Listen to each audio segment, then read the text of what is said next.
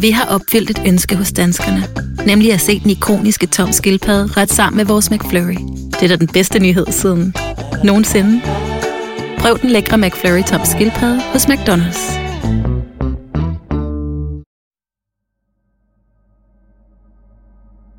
Hvorfor har I taget min pistol?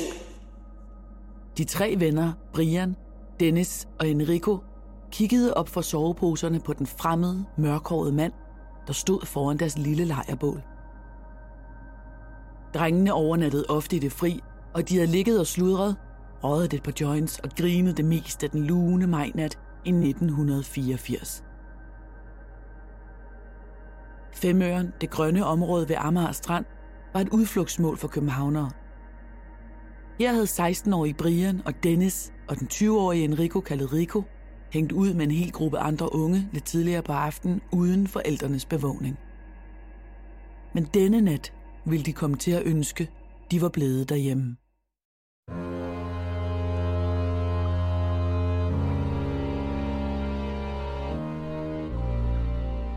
Du lytter til Mor i Nord. En podcastserie om nogle af de mest opsigtsvækkende drabsager fra Norden.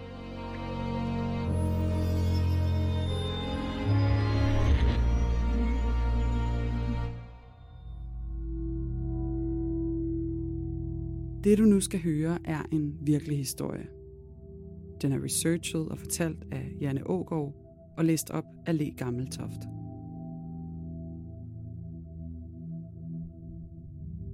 Det her er en genfortælling af sagens fakta, som de har været gengivet i andre medier. Nogle detaljer er udeladt, ligesom vi her afholder os fra at tage stilling. Det har retssystemet gjort. Men du skal være forberedt på, at det kan være voldsomt at lytte til.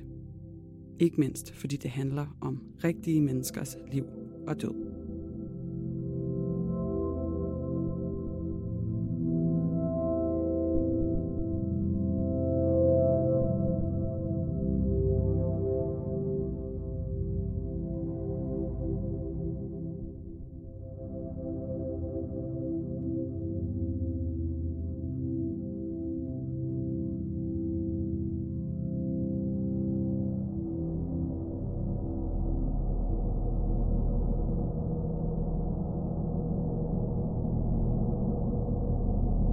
Manden, der stod ved lejrbålet, troede de tre drenge på gebrokken dansk. Han beordrede dem ud af soveposerne for at se, om hans pistol var der. Drengene var bange og adlød ham. Den ene af drengene havde en lommekniv på sig, som manden tog fra ham og brugte til at skære dækkene op på deres cykler, som de havde stillet fra sig i buskaget. Manden smed kniven fra sig og tog en revolver op af lommen. Han gik fløjten hen til Dennis, satte sig på huk og pegede revolveren mod Dennis' nakke. Skal jeg skyde dig? spurgte han den redselslagende dreng, der svarede, nej, nej. Det samme spørgsmål fik Rico, der dog var mere hårdkogt og kendt for at være svær at intimidere. Rico svarede blot, det er op til dig. Manden trykkede på aftrækkeren og skød ham i nakken.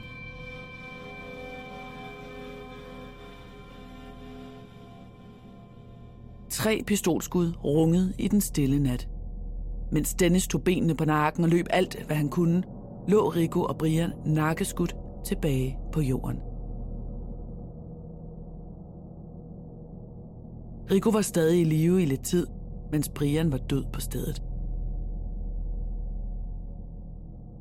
Klokken halv fem den morgen ringede en chokeret Dennis til politiet fra en mønttelefon og fortalte, at en mand havde skudt hans venner. Da patruljevognen nåede frem til dem, var det for sent at redde Rigos liv.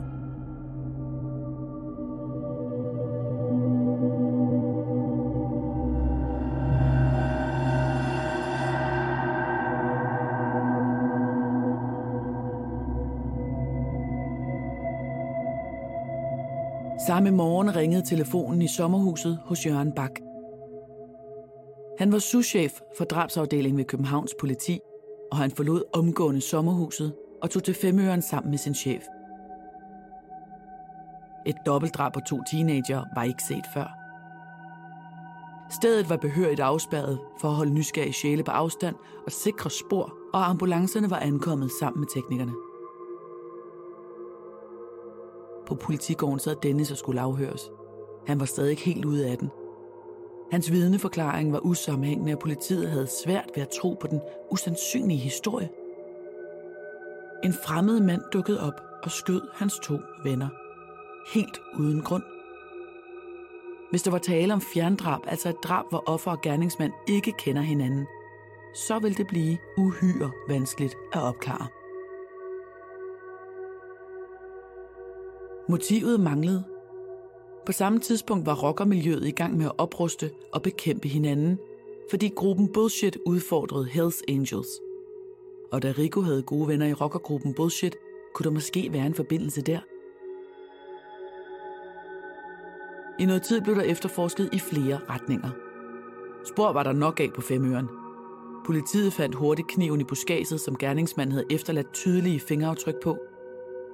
De stærkt deforme positiler fra de to ofre viste, at revolveren måtte være en kaliber 38, en seksløber med venstre snudet riffelgange. En ret sjælden pistoltype. Dennis kunne ikke fortælle meget andet, end at manden ikke var etnisk dansk. Han havde haft hvide sko på, og at revolveren havde et hvidt skifte. Ved hjælp af en tegner fik politiet Dennis til at beskrive drabsmanden, men tegningen blev aldrig offentliggjort.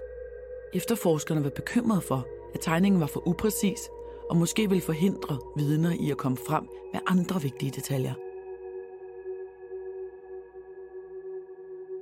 Politiet sendte breve til samtlige mandlige indvandrere og udlændinge bosiddende på Amager, der blev bedt om at møde op på politigården og afgive fingeraftryk.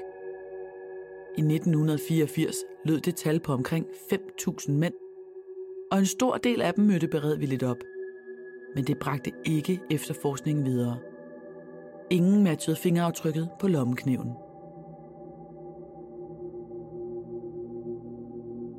Inden manden havde skudt Rico og Brian, havde han talt om at hævne sig og havde sagt, blodet beflyde i gaderne. Hvem og hvad ville manden hævne sig på, og hvorfor? Det overvejede Jørgen Bak mange gange. Han havde tidligere efterforsket sager med hævnmotiv, og han gik i gang med at se på gamle sager.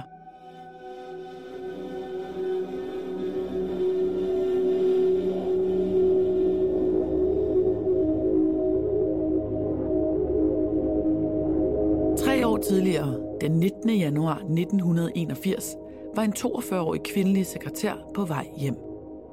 Hun havde spist middag med en kollega og drukket et par glas vin. Nu sad hun i taxaen på vej til hovedbanegården, hvor hun skulle med S-toget til Snikkersten. Men det var en kold aften, og derhjemme ventede en hund, der havde været alene hjemme i alt for mange timer. Derfor skiftede hun mening undervejs og bad i stedet chaufføren om at blive kørt hele vejen hjem. Da de ankom til adressen, havde hun ikke nok kontanter og måtte derfor ind i huset for at skrive chaufføren en check. Men han fulgte efter kvinden, og indenfor troede han hende til at skrive et højere beløb på checken. Derefter smed han hende på sengen og voldtog hende.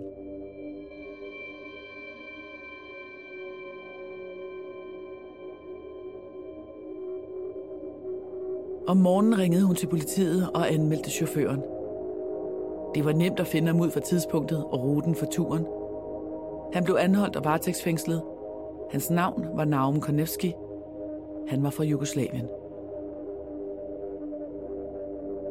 Det var ikke den eneste kunde, der var blevet forulæmpet af en taxachauffør inden for få måneder. En ældre dame fra Frederiksberg var blevet overfaldet og bestjålet, da hun måtte op i sin lejlighed for at finde ekstra penge til en taxachauffør. Voldtaget var hun dog ikke blevet. Mens Navn var varetægtsfængslet, blev den ældre dame bedt om at identificere ham som den mulige gerningsmand. Desværre var det kun navn Konevski, som politiet placerede på den anden side af spejlet i konfrontationsrummet. Så selvom den ældre dame sagde, at hun genkendte ham, var det et noget uldent bevis. Der burde have været flere i konfrontationsrummet for, at genkendelsen ville holde i retten. Det samme mente landsretten, der afviste at dømme ham for røveriet på Frederiksberg. Men voldtægten blev han dømt for og fik halvandet års fængsel. Navn Konevski ankede straffens længde til højesteret, der skærpede straffen med et fuldt år til hans store fortrydelse. Selv påstod han, at den 42-årige kvinde selv havde inviteret ham indenfor og var både fuld og pillemisbruger. En socialrådgiver hos Kriminalforsorgen fik med lidenhed med Konevski, og ikke mindst hans kone og tre børn, der nu skulle undvære ham i lang tid. Fængslet var hårdt, og han fik psykiske problemer ganske hurtigt. Så svære, at han blev løsladt efter et års fængsel. I mellemtiden kontaktede socialrådgiveren Ekstrabladet, Danmarks dengang største avis. Hun fortalte journalisterne, at hun havde en klient, der var blevet udsat for justitsmord. To gavede reportere begyndte at grave i sagen.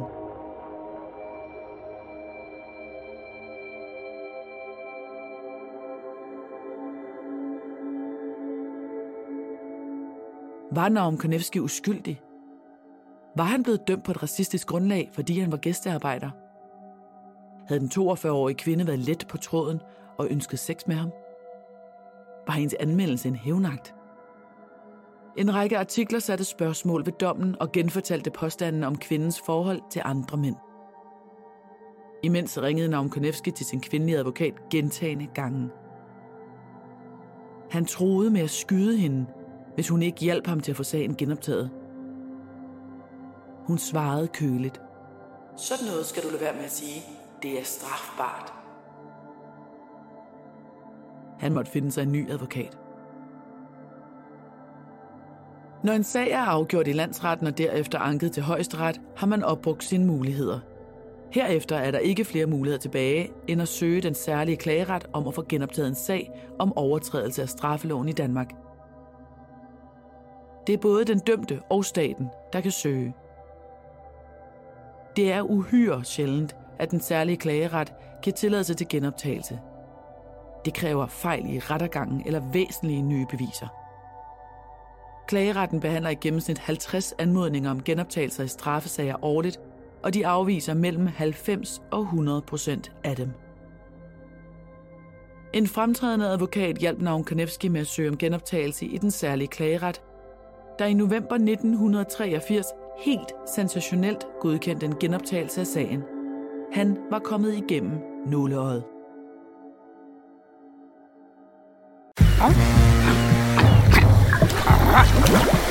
Oyster er bedst til prisen, ja.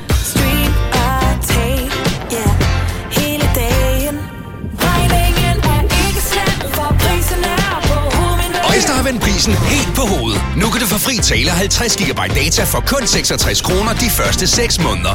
Øjster, det er bedst til prisen. Det 42-årige voldtægtsoffers bistandsadvokat advarede hende om, at når en sag bliver genoptaget, er det ofte lige med frifindelse.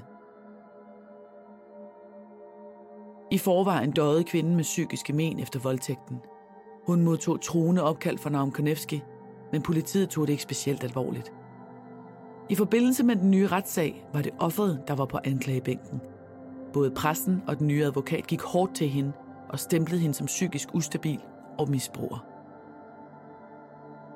I februar 1984 blev Naum Konevski frikendt for voldtægten ved den nye retssag. Forløbet lugter af, at en dansk kvindes ord er mere værd end en fremmedarbejders, stod der i dagens leder i Ekstrabladet. I alt fik Konevski knap 250.000 kroner i erstatning for tort og tabt arbejdsfortjeneste de 16 måneder, han havde siddet i fængsel. Kvinden døde et par år senere, efter at være blevet hængt ud i landsdækkende medier som en promiskuøs løgner.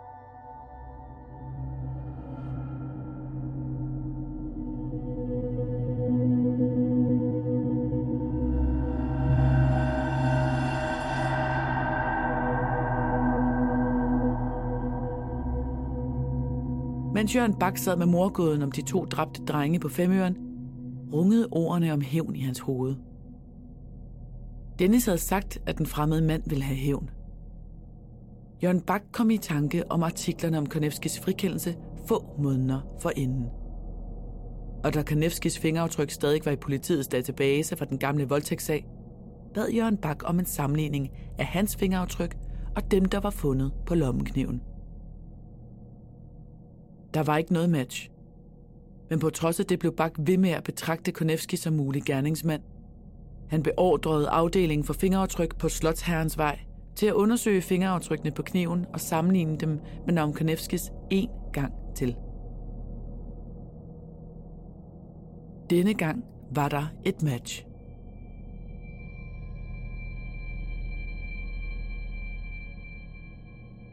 Første gang var fingeraftrykkene blevet spejlvendt ved en fejl. Der var dog ikke tale om et 100% rendyrket match, for blot 6 ud af 10 punkter passede på de to fingeraftryk, og normalt vil politiets eksperter helst se 10 ud af 10 punkter matche. Men det var nok til en anholdelse. Og måske også til en varetægtsfængsling. To patruljevogne blev sendt ud til Naum Konevskis lejlighed på Frederiksberg, men der var ingen hjemme. En dommerkendelse senere låste politiet sig ind i lejligheden, blot for at konstatere, at familien var taget på en længere ferie til Jugoslavien. Bak bestemte sig for at offentliggøre informationerne om revolveren, der var så særlig, at nogen måtte kende den. Og ganske rigtigt. En tandlæge ringede og fortalte, at han havde haft revolveren til salg i den blå avis. En enkelt mand var kommet for at se den, men var endt med ikke at købe den. Manden var sydlandske udseende og talte gebrokken dansk.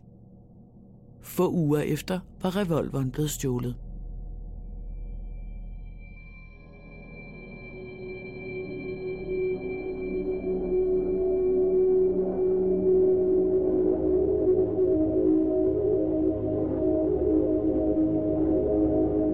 Mens efterforskerne ventede på, at Navn Konevski og hans familie vendte retur fra deres ferie, ansede de familiens lejlighed igen. De fandt et kvittering for leje af en garage i Sydhavn i Konevskis kones navn. Og i garagen fandt de seksløberen med det hvide skæfte og andre ting, der stammede fra indbruddet hos tandlægen. Den ballistiske undersøgelse bekræftede, at det var drabsvåbnet, og nu stod politiet med overvældende beviser.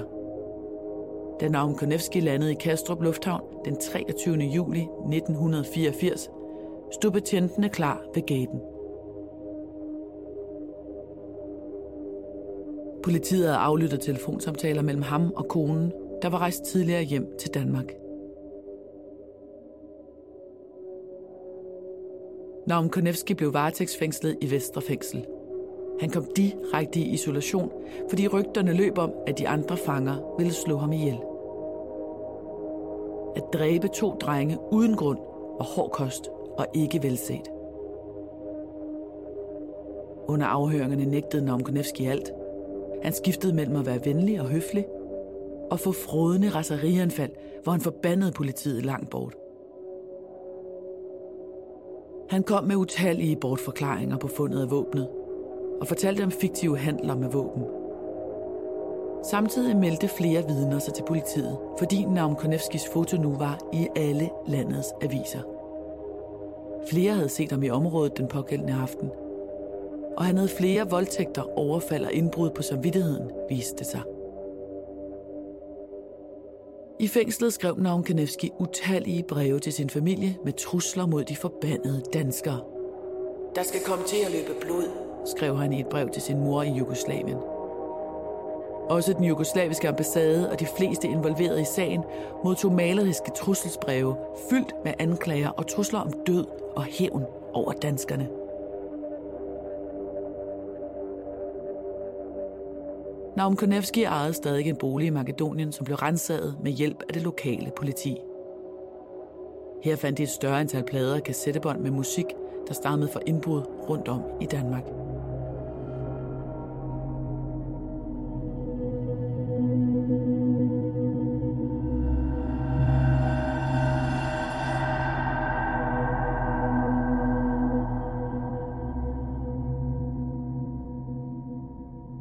Den 10. juni 1985 begyndte retssagen i Østre Landsret. Anklageskriftet inkluderede ud over dobbeltdrabet også flere tilfælde af voldtægt, røveri og tyveri. 30 vidner var indkaldt. Konevski selv græd i retten, da han fortalte om sin opvækst i det tidligere Jugoslavien med stor arbejdsløshed og fattigdom. Han kom til Danmark i 1968, hvor venner hjalp ham med at finde et job. Både hans og hans hustru havde arbejde, han som chauffør, hun som sygehjælper. De sendte hver måned penge hjem til familien hjemme i Jugoslavien, hvor børnene nu opholdt sig, mens deres far sad i fængsel. Beviserne mod Konevski var overvældende. Hans fingeraftryk var fundet på de fleste gerningssteder til både røveri, tyveri og voldtægt. Og da Dennis identificerede ham som manden, der havde henrettet hans to bedste venner, var det svært at stille spørgsmålstegn ved skyldspørgsmålet. Retslægerådets mentalerklæring viste en nogenlunde normal begavet mand, men med karakterafvigende træk, ubehersket vredesudbrud og svær uligevægt. Hans aggressive og selvcentrerede adfærd gjorde ham egnet til straf. Nævningerne fandt ham skyldig i alle punkter, lige fra indbrud og tyveri til dobbeltdrabet på Femøren. Dommen blev den strengest mulige. Fængsel på livstid og efterfølgende udvisning af Danmark for bestandigt. Han blev også idømt til at betale erstatning på knap 190.000 kroner.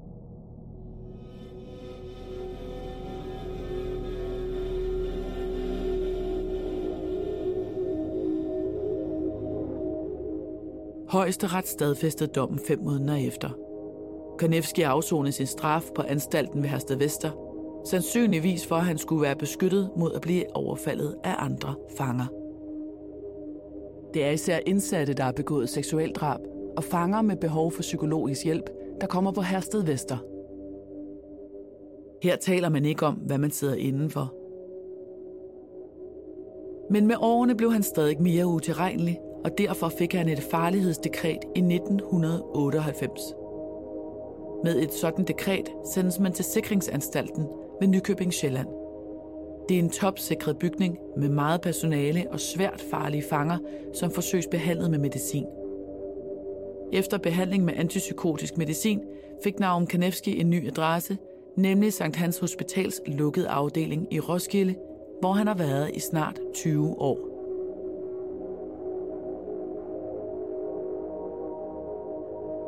Som statsborger i Makedonien søgte Konevski mange gange om overflytning til en psykiatrisk afdeling i sit hjemland. Hver gang har politi og kriminalforsorgen afvist en flytning. De havde fundet en dødsliste på hans værelse i 2012 og vurderede, at der var risiko for, at han ville undslippe et makedonsk fængsel, vende retur til Danmark og tage hævn. På listen stod både Dennis, der havde vidnet mod ham i sagen om drabene på Femøren, tre efterforskere hos politiet og en retspræsident.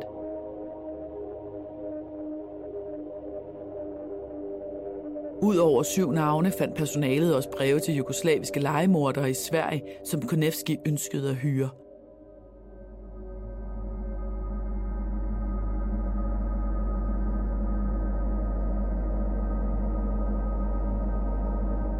Den nu 71-årige Nam Konevski er den person, der har afsonet længst tid i Danmark i nyere tid.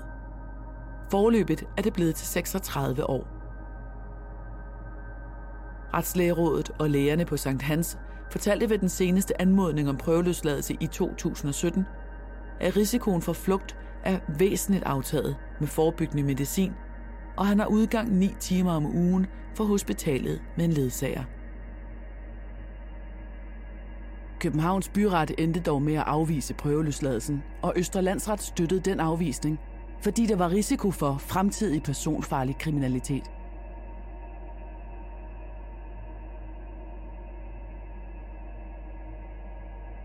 Dennis, der overlevede det meningsløse angreb den nat på Femøren for mange år siden, er i dag 52 år. Han talte senest med pressen i 2016, hvor han fortalte, at han ville frygte for sit og familiens liv, hvis Naum Konevski blev løsladt. Jeg er bange for, hvad den mand kan finde på. Han har været utilregnelig hele sit liv, og er det stadig.